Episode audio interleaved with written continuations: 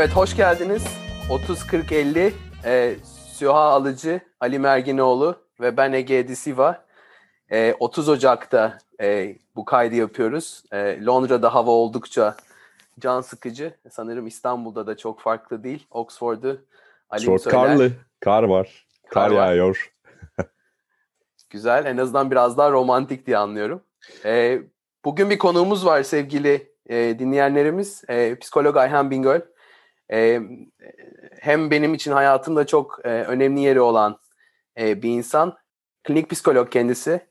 25 yıllık e, bir e, klinik psikoloji e, deneyimi var, uzmanlığı var. Özellikle nöroloji alanında e, çalışıyor.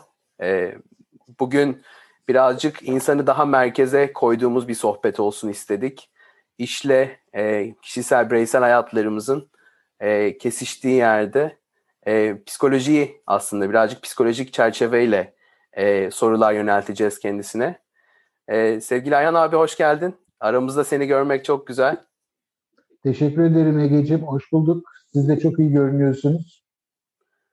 Teşekkürler Ayhan abi. E, var mı senin e, bugün daha sohbetimize başlamadan önce söylemek istediğin herhangi bir şey?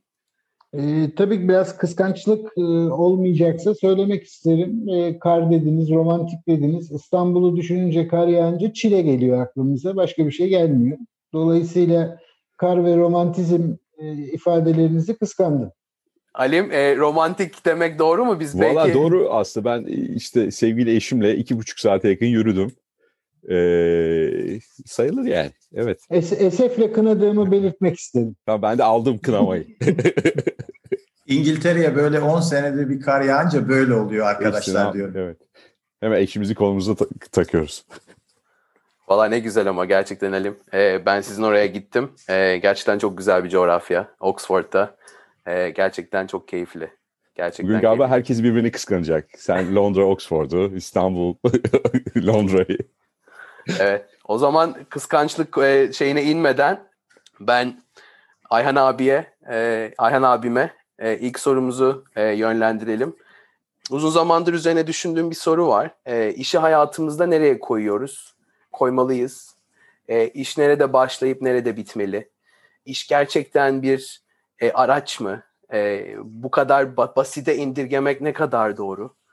Sadece para kazanmak için mi e, çalışmak gerçekçilik oluyor? Yoksa aslında işin bunun ötesinde kişisel e, evrimimizde, kişisel yolculuğumuzda e, yerine e, bu, bu konuda ne, ne düşünüyorsun Ayhan abi? Sadece iş gerçekten para kazandığımız bir araç demek ne kadar doğru? Ne kadar çok mu basit? Bana biraz sanki öyle geliyor. Ee, sana öyle gelmesini anlayabiliyorum Ege'ciğim. Çünkü işi hayatında nereye koyduğunu üç aşağı beş yukarı bildiğim için bu, bu kadar rahat davranabiliyorum. Ama iş gerçekten de çok basit. Çok böyle uzaklara gitmeden, çok fazla uzağa gitmeden, 10 e, bin yıl öncesine kadar gittiğimizde işin anlamı karnımızı doyurmak için e, yaptığımız faaliyetlerin toplamı diyebiliriz.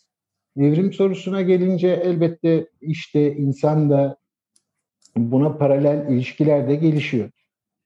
Ortalama bir insanın günümüzde ortalama bir insanın hayatının ne kadarı işte geçiyor diye baktığımız zaman basit bir hesapla 10 saat diyelim. 8 saat mesaisi olduğunu, gitmesi, gelmesi, öğlen paydosu, öğlen arası molalarıyla beraber günlük 10 saatini işe harcadığını Dolayısıyla geriye kalan 14 saati var. Sağlıklı bir insanın averaj düzeyde 8 saatte uyuduğunu düşünün. 18 saat. Geriye kalan 6 saatin var senin için. O zaman bu sorunun cevabı şu.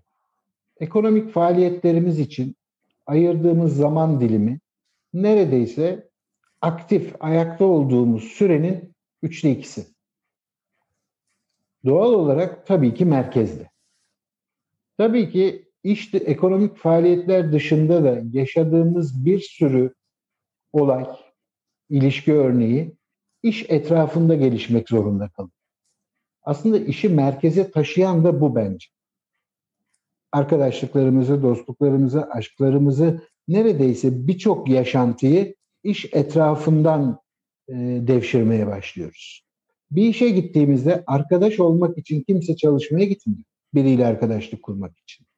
Ancak işi, bir iş üzerinden bir sürü arkadaşlık, çok çeşitli ilişki düzeyi gelişebiliyor.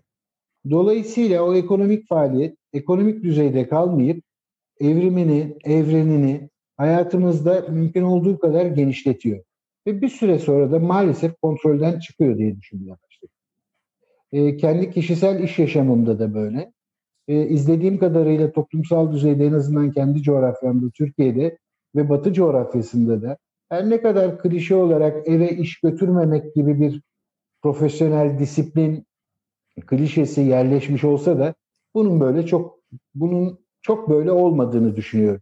İnsanlar kafalarında iş ve iş dolayısıyla edindiği yaşantıları evlerine, bireysel alanlarına taşımak zorunda kalıyorlar. İşin bir tarafı bu. Diğer tarafı ise işte öğrendikleri de kişinin hem karakter özelliklerine, hem ilişkilerine, hem sosyal duruşuna, hem rolüne, toplumsal rollerine, toplumsal statülerine de katkıda bulunmaya başlıyor. E, evde de bir süre sonra iş yerindeki gibi davranmaya ya da misafirliğe gittiğinde bir arkadaşıyla sohbet ettiğinde oradaki kimliğiyle davranmaya başlıyor. E, dolayısıyla işle karakter, işle yaşam, bireysel yaşam alanları, iş dışı yaşam alanları birbirine girmiş oluyor.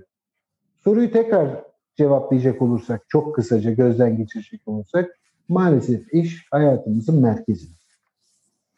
Aslında e, şimdi sen söylerken düşünüyordum. Bazen böyle kitaplar görüyoruz, e, kişisel hikayeler dinliyoruz. İşte kafayı çizip e, yepyeni bir hayata çıkanlar, yepyeni bir yolculuğa başlayanlar da gene aslında işleriyle ilişkilerini değiştirerek başlamıyorlar Mayhan abi. Diyorlar ki ben hani artık işte 9-5 çalışmaktan sıkıldım, kurumsal hayattan sıkıldım, işte çalışmayacağım, başka bir şey yapacağım. Gene işle kafe başlıyorlar aslında. Yine kafe yapacağım, başka bir şey yapacağım. İşte e, tarım yapacağım. Ben e, plazada çalışmaktan, akvaryumda çalışmaktan sıkıldım. Ege'de bir kasabaya yerleşip domates yetiştireceğim. E, iş yapacağım. Yani domates yetiştiriciliğine ayıracağın süre. Oradaki ilişki ve üretim biçimini değiştirmeyi e, sanki başka yaşamsal bir değişiklik gibi algılayıp, yorumlayıp, konumlandırdığında da aslında yine işi merkeze koymuş oluyor. İş üzerinden değiştiriyor. Hatta emekli olduğunda bile iş üzerinden değiştiriyor. İşi bitiriyor. Bu anlamda merkeze koyduğumuzu düşünüyorum. Yüklediğimiz anlam ya da iş ne kadar değer katıyor, ne kadar değer götürüyor diye baktığımızda yaptığımız işle ilgili, yeterlilik alanlarımızla ilgili, karakter özelliklerimize, demografik özelliklerimize, coğrafi özelliklerimize, hayata bakışımıza uygun iş seçimi yapan arkadaşlarımız şanslı diye addedebiliriz. Bir de hakikaten seçme şansı olmayan, seçme lüksü olmayan, endüstri devrimiyle birlikte sadece fizyolojik ihtiyaçlarını karşılamak üzerine e, devam ettirdiği çabalar var. Bunun adına da işliyoruz e, endüstri devrimi sonrası 8 saat bantta çalışan ya da hala bantta çalışan bir arkadaşımızın emeğine de iş adını veriyoruz. E, ofisinde akşama kadar yazılım için uğraşan, bir yazılım başında, bir animasyon başında uğraşan e, yeni dönem e, emek türüne de işliyoruz. Bir hekim arkadaşımızın ofisinde ya da e, çalıştığı merkezde, hastane ya da üniversite akşama kadar doldurduğu zamana da harcadığı emeğe de işliyoruz. Her birinin e, bireysel düzeyde kattıkları ve bireysel düzeyde aldıkları var diye düşünüyorum. Bunun bir parça eğitimimizle, yaşadığımız coğrafyayla, güvenlik arayışımızla, ülkedeki e, demokratik iklimle, sosyolojik iklimle doğrudan, ekonomik ilgimle, il, iklimle doğrudan ilgili olduğunu düşünüyorum. Bilmiyorum cevap olabildi mi? Daha açmak ister misin? Belki ben şöyle bir e, ekleme yapıp e, Ayhan abi sana sorabilirim. E, iş o zaman bir yerde bazıları için kader mi oluyor? Çünkü biz tabii hep kendi iş dünyamızı belki de orta üst sınıf şımarıklığıyla daha farklı bir hani iş hayatına anlam yüklemeye çalışıyoruz ama işte ne bileyim Soma'da bir madencisin, orada doğdun. Ee, acaba o da bizim düşündüğümüz gibi işe aynı anlamı yükleyip işte aynı patenleri yaşıyor mu? Yoksa iş ya benim kaderim işte böyle doğdum madenci olacağım böyle öleceğim mi diyor. Öyle şeyler de aklıma geliyor. Alim kardeşim hani bu noktada tabii çok toptancı yaklaşmayı, çok genellemeci yaklaşmayı e, çok doğru bulmuyorum açıkçası. Ancak e, iş seçimi dediğimiz işin işe karşı tutumumuzu belirleyen ya da iş yerindeki tutumumuzu belirleyen ana unsurlardan biri de iş seçme lüksümüz. E, iş seçme e, lüksüne sahip insanlar için bu söylediğiniz mümkün olabilir. Ama bazen iş seçme lüksümüz olmayabiliyor. Bulduğumuz ilk işte e, hayatımızı devam ettirebiliyoruz. O son işimiz olabiliyor. Çünkü hayatı bir şekilde devam ettirmenin yolu çalışmak, üretmek, karşılığını alıp ihtiyaçlarımızı gidermekten geçiyor. Bu Soma'daki bir madenci arkadaşımızın e, üç arkadaşıyla bir araya gelip bir yazılım yapmasının ya da başka bir şey yapmasının e, önünde engel gibi gözükmese de onun yetiştirilme şartları, içinde bulunduğu, içine doğduğu pedagojik iklim, içine doğduğu sosyolojik iklim, içine doğduğu coğrafya bütün bu seçme süreçlerini yakından etkiliyor. Farkında olmadığı bir dünya. Şöyle basit bir örnek verecek olursak, Rusya örneğini ve Türkiye örneğini verecek olursak iki yakın coğrafyada fakat iki farklı rejimde e, yaşam sürüyordu. E, bir coğrafyada örneğin Rusya'da 89 öncesinde e, Gorbaçov'un açılım öncesinde dünyanın diğer tarafından habersiz bir e, üretim zinciri var. Ve dünyanın en mutlu coğrafyası olarak kendi bulundukları coğrafyayı görebiliyorlardı ve şikayetleri de en azından varsa bile biz bilmiyorduk. E, Soma'daki bir arkadaşımızın ya da e, Ermenek'teki bir arkadaşımızın dünyanın geri kalanından haberdar olmayışı çok mümkün. Ve kendini bu anlamda yetiştirmesi, geliştirmesi, sorgulaması da bence beklenmemeli. Ben kendi hikayemden hareketle birkaç bir şey söylemek istiyorum. Ee, ben tabii görece e, daha ileri yaştayım. Ee, kendi hikayeme dönüp bakıyorum. Ee, neden mühendis oldum? Neden e, daha sonra yönetici oldum? Ne etkiledi? Hangi şartlar beni yönlendirdi? Dediğin çok doğru Ayhan çevre yani ne görüyorsan bu Soma'da bir madenci olsun ya da İstanbul'da e, şu anda bir üniversitede girişimcilik dünyasına e, bir nevi gıpta eden bir genç olsun. Çevresinde gördüklerinden hareketle tetikleniyor bir şeyler istiyor. Ve e, ne derece o kendi kişiliğine, kendi doğasına uygun. E, bunu çok düşünmemişim ben. Yani hep şimdi geriye sarıp baktığımda değerlendiriyorum. Yani gördüğümü e, o zaman çevrenin başarılı diye gösterdiğini istemişim. O şekilde hayatın akışına geçmişim. Yani benim zamanımda doktor ya da mühendis olmak başarılı gençler için genelde Tabii gösterilen. Ki top, çok affedersin Süher kardeşim. Toplumsal onay bir taraftan sizin gördüğünüz, kendinizde gördüğünüz, diğer tarafta da sizden beklenilen ve bu beklenenin karşılığında da elde edeceğiniz onay sizi seçim sürecinde etkiliyor. Tabii böyle olduğunda da pek kendimizi galiba düşünmeden, doğamızı düşünmeden yaptığımız seçimler de bizi o tesadüfler eseri yapmaya başladığımız işten soğutmaya başlıyor. Adeta belki de doğamıza uymayan bir şeyi biz oldurmaya çalışıyoruz ve diyoruz ki işte bu, bugün de e, işte gençlerin, çalışanların çok önemli bir kısmı e, işlerinden memnun değiller. İş bizi nasıl mutlu eder? Sevdiğimiz işi yapmak mı? Yaptığımız işi sevmek mi? Hedeflerimizi nasıl belirlemeliyiz? Hayallerimizi nasıl konumlamalıyız? Mutluluğu total bir kavram olarak düşünmekte fayda var Süha kardeşim. Şöyle düşünüyorum. İş, aşk, sosyal arkadaşlık, herhangi bir uğraşı alanı, bunların tek başına bize sağlayacağı mutluluğun total mutluluk içinde bir yeri olabilir. Ama tek başına toplam mutluluk, mutlak mutluluk diye bir kavramdan bahsetmek mümkün değil. Dolayısıyla ben işle mutluluk arasındaki ilişkiyi amaçla sonuç arasında, karşılaştığımız sonuç arasındaki korelasyon da görüyorum. Bir iş niçin bir yerde çalışırız?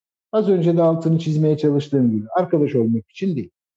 A hakikaten doğru seçim yapmış, ideallerimiz adına, insanlık adına e, kendimizi feda etmiş ya da öyle olduğunu kurguladığımız bir iş yapıyoruzdur. Elde ettiğimiz sonuçlar bizi mutlu ediyor. Bir hekim gözünden bakacak olursak, bir hastasını tedavi etmek, hayata bağlamak, ona tutunmak, hayatına dokunmak, onun için mesleki tatmin anlamına gelebilir. Ama bu bir toplam mutluluğun işareti midir?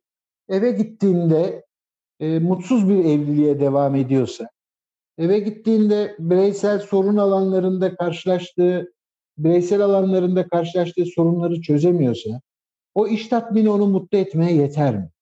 Ancak şu olabilir, diğer alandaki mutsuzluklarını iş yerinde belki daha fazla efor sarf ederek, ideallerine daha sıkı yapışarak telafi arayışına gidebilir. Ama ben doğrudan insanla iş arasındaki ilişkiyi mutluluk odaklı olarak bakmak yerine tatmin odaklı bakmaktan yanayım. Çünkü bir insan niye çalışmayı sevsin ki? Ya bir ideal uğruna ya da karşılanması gereken ihtiyaçları adına tercihte bulunabilir. İhtiyaçları adına genellikle topluma baktığımız zaman ihtiyaçlarını karşılamak adına seçtiği bir işten toplam mutluluk çıkarmak bana çok kolay görünüyor. Çok kolay, çok yavan, çok da anlamlı görünmüyor açıkçası. Ya harika bir iş yaptım, 8 saat para saydım. Çok mutluyum. Çok doğru para saydım. E, tabii e, ihtiyaçlar çok çeşitli. E, para, ekonomik ihtiyaçlar genelde akla gelen Hayır, ben ihtiyaç bir oluyor. örneği vermek için para saymayı düşündüm. E, yani genelde baktığımda çoğu insan e, bir ait olma hissi, bir e, bir, bir şeyin parçası olma e, ihtiyacıyla hareket ediyor. Bugün paraya, güce ulaşmış olanların bile o ait olma hissinin ihtiyacının devam ettiğini görmüyor muyuz? Yani şeyi işi e, nereye oturtacağız e, bağlamında farklı bir bakış açısı getirebilir miyim diye düşünüyorum. E, elbette getirebilirsiniz. Bunun önünde bir engel olduğunu düşünmüyorum ama sadece size katılmıyorum bu noktada. Çünkü eğer bir idealden beslenen bir iş yapmıyorsunuz, profesyonel hem dayatılan profesyonel anlayış hem kendi iç disiplinimizden kaynaklanan profesyonel anlayıştan bakıyorsak o sadece bir iş ve benim bir takım ihtiyaçlarımı karşılamak için bir araç. 8 saat içerisinde işimi yapmalıyım. Tatmin olabileceğim bir iş ise harika. Ama en azından bağlı bulunduğum kurumu tatmin edecek sonuçlara ulaşmak zorundayım ki bunu devam edebile, ettirebileyim. Çift taraflı tatmine ulaşılıyorsak zaten uzun süreler orada çalışıyoruz. Eğer bu iki taraflı tatminden biri eksik kalıyorsa bir taraf genellikle çalışan, emek harcayan taraf katlanmak zorunda kalıyor. Diğer tarafın çünkü seçeneği daha fazla. Beni, sizi, Ege'yi değiştirip yerine kendini tatmin edecek, ilgili iş sonuçlarına, başarı odaklı başarıları elde edecek e, insanları bulmak mümkün. Dolayısıyla ben e, aidiyet kısmına çok katılmıyorum. E, neden bir insan durup dururken bir iş yerine kendine ait hissetsin ki? Şayet arkasında bir ideal yoksa. Ama bir ideal varsa zaten e, onu başka bir mecrada tartışmak gerekiyor. Ve onlara da bugünkü anlamda iş mi diyeceğiz? Bir arkeoloğu düşündüğümüzde arkeolog sizce bir iş mi yapıyor? Bir meslek, arkeoloji ama bir iş olarak bakmıyor. O başka bir şey orada. Başka bir ideali, başka bir dünyayı, belki kafasında kurguladığı başka bir ütopyayı yaşatıyor izinler ölçüsünde. Bir hekim için de bunu söyleyebiliriz. ideallerine yaslanmış bir hekim için de. Ve bir şair için de bunu söyleyebiliriz. Bir öğretmen için de bunu söyleyebiliriz. Ama her öğretmen için söyleyemeyiz, her hekim için söyleyemeyiz. Nihayetinde tüm sektörler 20. yüzyılın ikinci yarısından itibaren endüstrileşti. Endüstrinin de talepleri var. E bu talepler karşı bu talepleri karşılayan bireyler işlerinde devamlılığını gösterebilirler. Karşılamayanlarsa yer değiştirmek zorunda kalır. Bireysel tatmin noktasında da ihtiyaçlarımı karşıladığı sürece devam ederim. İhtiyaçlarımı karşılamıyorsa, daha iyi bir alternatifim yoksa da katlanmaya devam ederim. Bence genel anlayış burada ve bir aidiyet hissi olduğunu düşünmüyorum. Peki e, iş yaşamı o zaman bir süre sonra insanı kimliksizleştiriyor mu acaba? Yani işte görevi yapsın ya da ben görevimi yapayım işte işi sonucuna ulaştırayım ya da birileri ulaştırsın ama kim olduğunun kişiliğinde önemi yok. İşte profesyonel yaşam girsin, işini yapsın, çıksın, hayatına devam etsin. Biraz hani böyle de bir şey paradoksta çıkıyor mu acaba? Yani çıkıyor mu sorusu bence çok geç kalmış bir soru Alim kardeşim. Çünkü bugün 21. yüzyılın ikinci yarısında birçok meslek yok olacak. Yerine robotlar gelecek. E, bu robotlara acaba nasıl bir kimlik koyacak? Nasıl bir aidiyet hissi verecek? Belki hek- cerrah kalmayacak. Uzaktan joystickle robotik cerrahi yapacak. Hindistan'daki bir e, hastayı e, New York'tan ameliyat edecek. Neden bahsedeceğiz biz?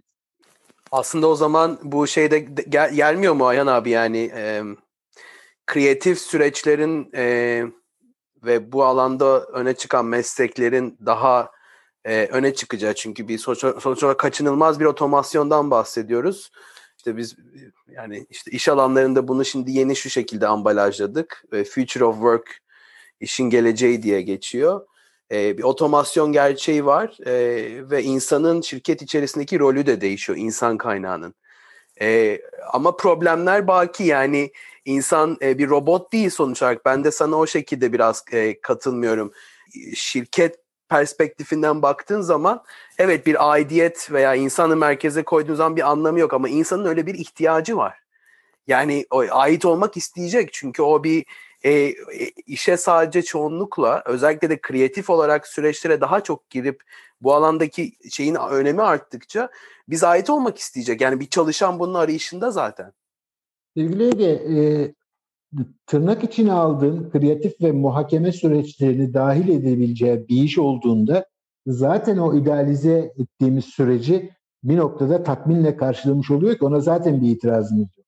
Ama Halim kardeşimin e, sorusunda iş bizi bir süre sonra kim, kimliksizleştiriyor mu diye tırnak içine sordu, sorduğunda bugünkü profesyonel iş duruşunda gelecekle arasına bir köprü koyduğumuzda bahsettiğin otomas, otomasyon ya da endüstri 4.0 5.0 ne getirecek bilmiyoruz. Makinaların kendi aralarında konuştu. Evet daha iyi sensörleri yapan arkadaşlarımız kendilerini daha iyi his, ait hissedebilecekler belki de.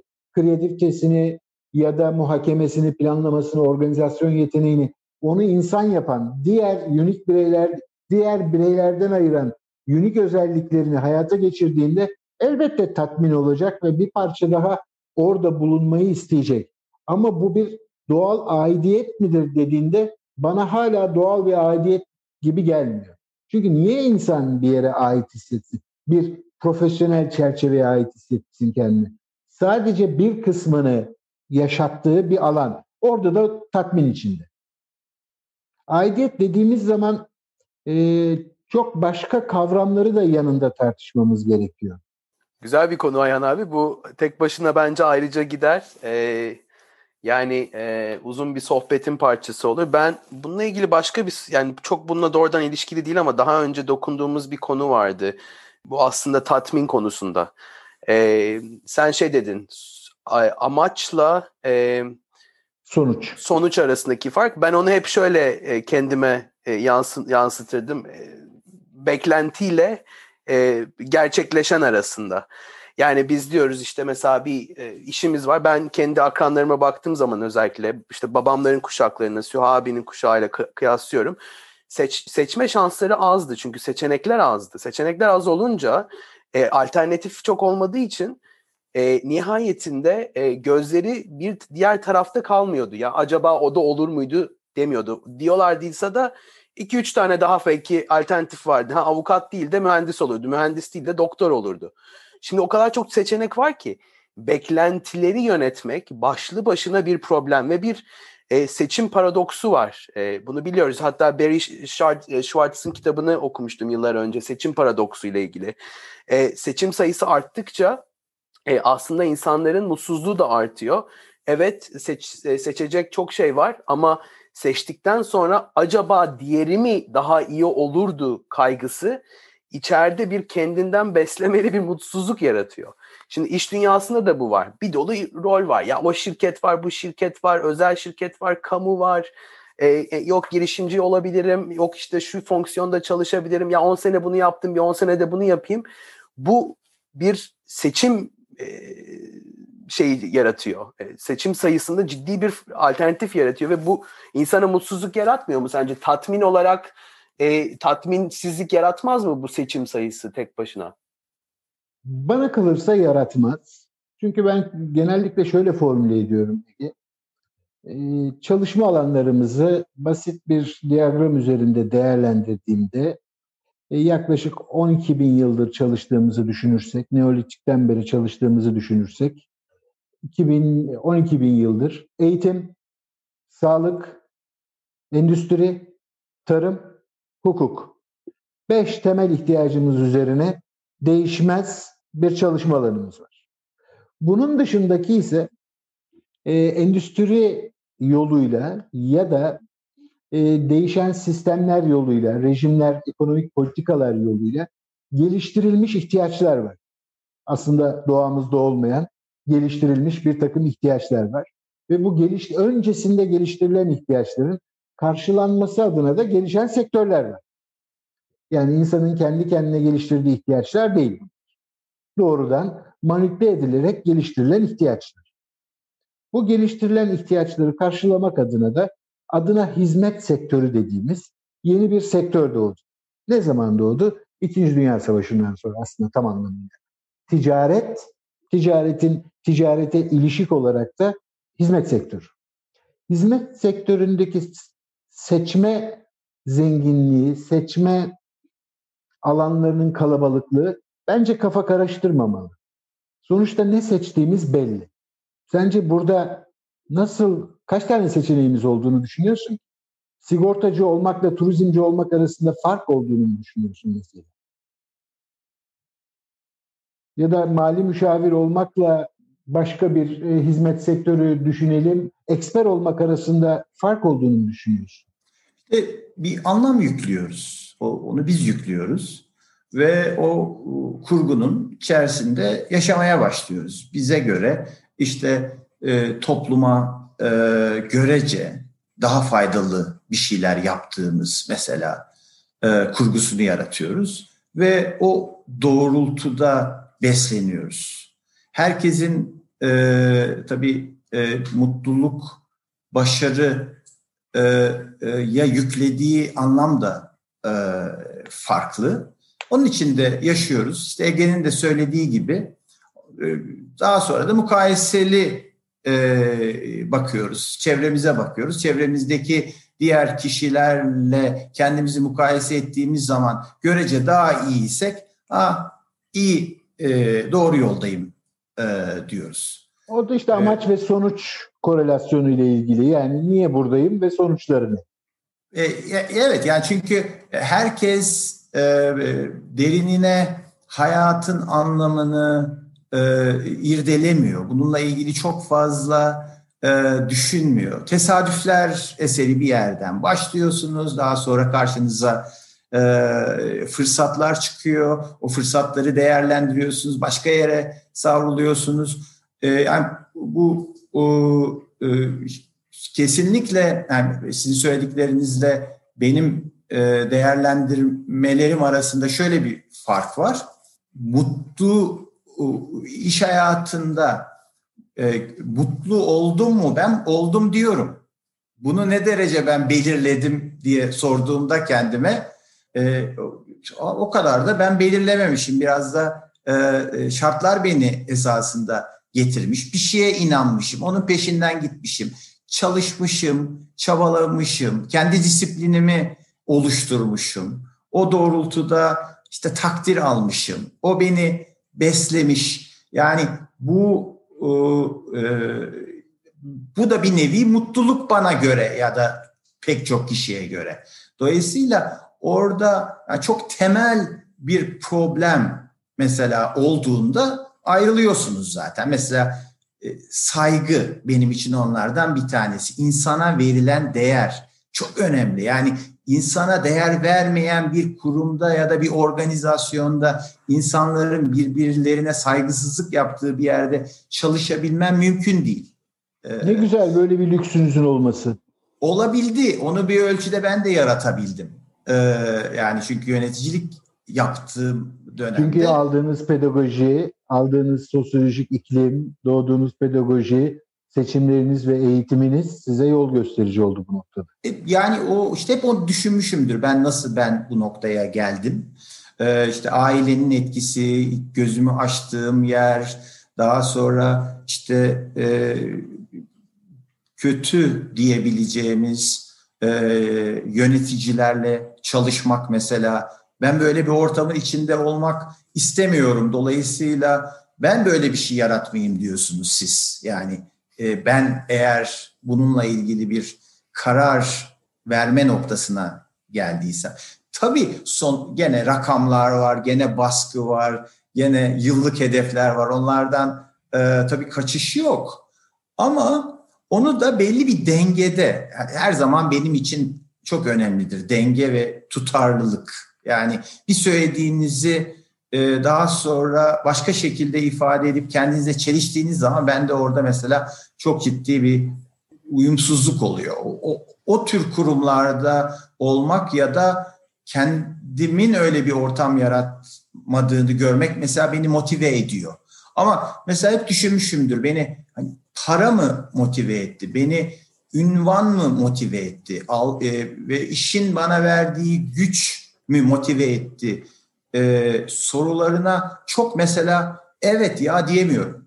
Kendi doğama e, da hep kulak verdim. Bunu bilinçli bir şekilde yapmasam da yani e, akışta belli bir noktaya geldim diye e, düşünüyorum ve şimdi Ege'ye katılıyorum e, gençler zorlanıyorlar. Yani onlara sebat etmek mesela benim jenerasyonda çok önemli bir şeydi. Gençlerde onu çok fazla göremiyorum. Çabuk sıkılıyorlar. Halbuki başarı için sabır da değil, sebat etmenin çok önemli. Yani çalışmanın, çabalamanın, disiplinin çok önemli bir yeri olduğuna inanıyorum. Sen de bilmiyorum gençlerde onu görüyor musun mesela? Yani?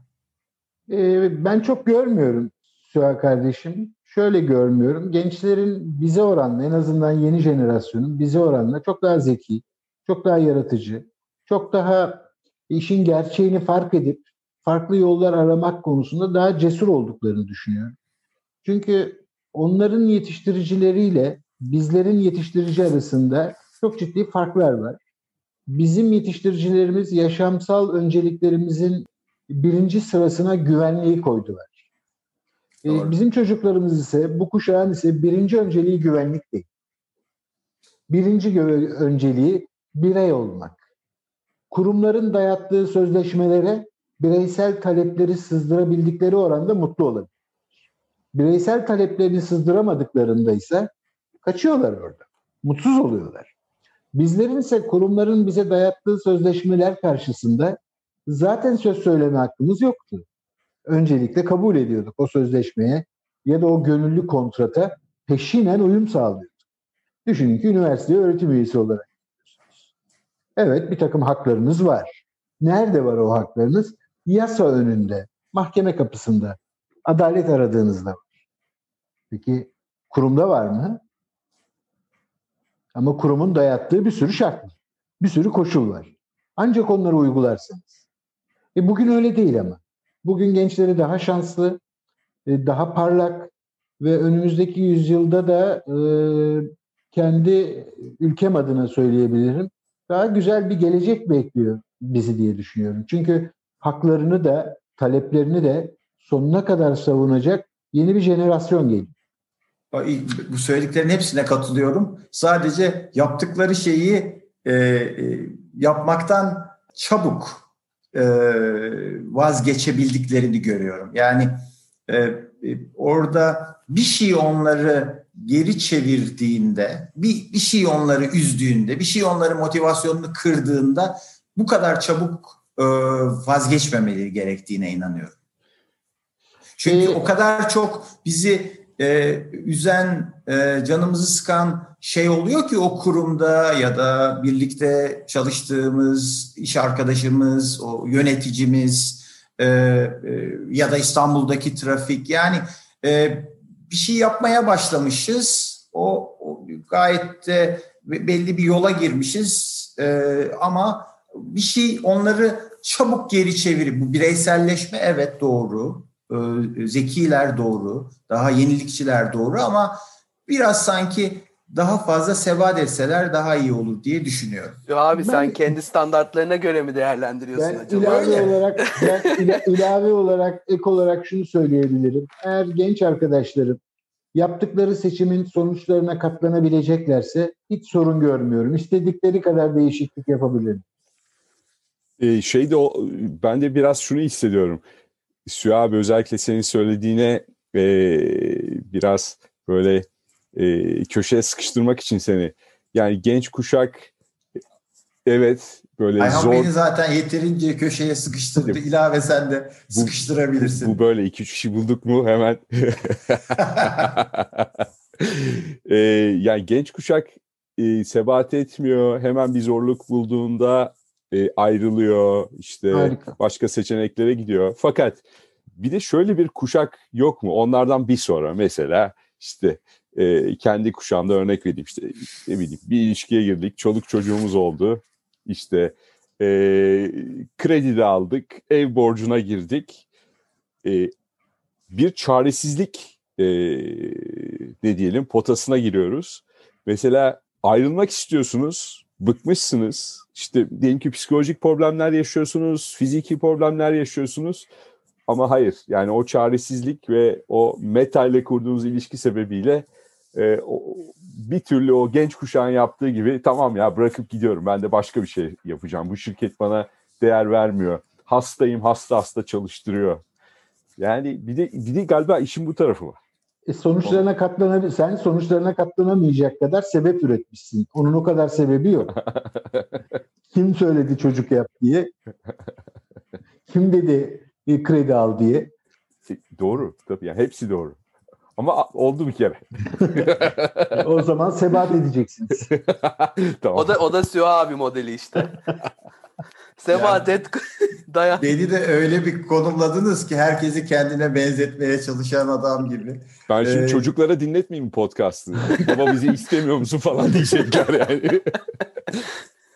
Bugün bir tweet okudum. Ee, o tweette şey yazıyor. Ee, eşimle konuştuk çocuk yapmamı, e, çocuk istemediğimize karar verdik diyor. Ee, bunu da çocuğumuza açıkladık. tamam gün bugündür. Valla biz çocuğumuza sorduk. E, kardeş ister misin diye. O istemem dedi. Onun üzerinde biz yapmadık. Ne kadar demokratiksiniz. Hayran kaldım. Bence sanki siz kararın ağırlığını alamadınız mı acaba Su abi o zaman? Dışarıdan Benimki latife canım. Ee, bizimkisi işte öyle kendini e, eyleme. E, bu peki kuşaklar arası yani iş hayatında e, ya da hayatta e, kuşaklar e, her yerde farklı kuşaklar var ve işte biraz önce benim de sergilediğim gibi e, benim beklentilerimle gençlerin beklentileri birbirlerinden beklentileri farklı olabiliyor. Nasıl biz birbirimizi daha iyi anlayabiliriz? Tabii buna ben e, çalışma hayatına baktığım zaman usta çırak ilişkisini çok önemseyen biriyim. Hayatım boyunca da ustalarım oldu. Hayatım boyunca da kendi adıma çıraklarım oldu diyebilirim. Ben usta çırak ilişkisinin kaybedilmesinin bugün sadece iş hayatındaki sinerjiyi değil, toplumsal sinerjiyi de etkilediğini düşünüyorum. Eğer yeniden bir dünya tasarlama şansım olsaydı, ekonomik dünya tasarlama şansım olsaydı mutlaka merkeze usta çırak ilişkisini koyardım. Ee, burada çalışanlarımızla, e, çalışma arkadaşlarımızla, paydaşlarımızla bu ilişkiyi öğrenme, öğretme ve gönüllülük üzerine kurarsak ben e, çok daha sürdürülebilir bir model ortaya çıkabileceğini düşünüyorum.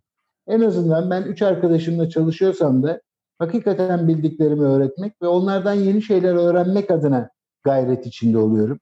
Ve kuşaklar arası çatışmayı e, çok fazla yaşadığımı düşünmüyorum. Çünkü kuşaklar arası çatışma beklenti düzeyinden ziyade biraz kişilik özellikleriyle ilgili. Eğer usta diye e, tarif ettiğimiz çalışanımız, çalışan arkadaşımızı usta diye tarif ediyorsam sizin söylediğiniz sebat benim için orada devreye giriyor. Ustanın bir bildiği vardır. Bu anlayışı, bu hoşgörüyü, e, karşımdakinin bilgeliğine saygıyı koruduğum sürece kuşaklar arası çatışmada bir problem yaşamadım kendi adıma. Ama bugünkü dünyada usta çırak ilişkisi kalmadığı için kuşaklar arası çatışmanın yaşanması kaçınılmaz oluyor. Ve bu olmalı da olma, olmadığı bugünkü düzen içerisinde olmayışı çok başka sorunları da beraberinde getirir gibi gelir. Çatışmaların olması aslında farklılıkların olması. Farklılıkların olması aslında bir gelişimin, değişimin oluyor Tekamülün olmasına işaret devamını ediyor. işaret eder. Evet. E, usta çırak ilişkisi de aslında öyleydi. Bugün başka bir ilişki modeli var ve o farklar olmak zorunda, o çatışma olmak zorunda. Çünkü e, iki tarafta çok hızlı biçimde değişiyor. Ayhan abi çok teşekkürler. Ee, biz genelde 40-45 dakikada toparlamaya gayret ediyoruz. Ee, inan e, yani dinleyiciler müsaade etse birçok arkadaşım diyor ki Ege 20-25 dakika yapın ne olur. Ee, Su abi sana bir tane bizim genç jenerasyona eleştiri e, fırsatı e, sabırsızlar, sebat etmiyorlar. 5 dakikaya dayanamıyorlar. Ama e, inan yani 3 üç kere e, bir araya gelip 3 kere konuşuyor olsak bile e, sonu gelmez bu güzel sohbetlerin. E, bizim müsaade edersen bir 60 saniye e, geleneğimiz var. Seni biraz e, sorularla sıkıştıralım istedik. Kolay sorular, keyifli sorular. E, ben başlayayım. E, Alim sen devam et. Süha abi belki bitirir. İş, işten konuştuk. Benim ilk sorum onunla o zaman. E, balıkçılık mı çiftçilik mi? İkisi de değil. Biri. Birini seçiver. ee, balıkçılık tabii. E şimdi madem balığa girdik o zaman rakı mı şarap mı? ee, ikisi de. Deniz kenarı mı, orman mı, dağ mı? E, yani biz e, insan canlısı su kenarını severiz. Sizi bilemeyeceğim. Ayhan abi e, çok teşekkürler. E, neler hissettin? Nasıl? Keyif aldın mı? Nasıl? ilk ilk, ilk podcast'inde galiba. Nasıl, neler hissettin? Nasıl geçti senin için bu sohbet? Ya Ege'ciğim her şeyden önce sizin gibi üç tane böyle değerli insanla bir arada bir konu etrafında toplanıyor, sohbet ediyor olmak benim için hakikaten çok keyifli oldu. Çok da mutlu oldum. Çok da böyle severek, e, ciddiye alarak, e, inceleyip sık dokuyarak e, ifade etmeye çalıştım. E, çok teşekkür ederim bu fırsatı bana sunduğun için. En azından e, ben çok yazan çizen bir adam değilim. E, dolayısıyla dinlediğimde e, ne söylediğimin de farkına varmış olacağım sayende. Çok teşekkür ederiz. Rica ederim Süha Bey. Hoşgörünüz için, anlayışınız için, sabrınız ve sebatınız için ayrıca teşekkürler.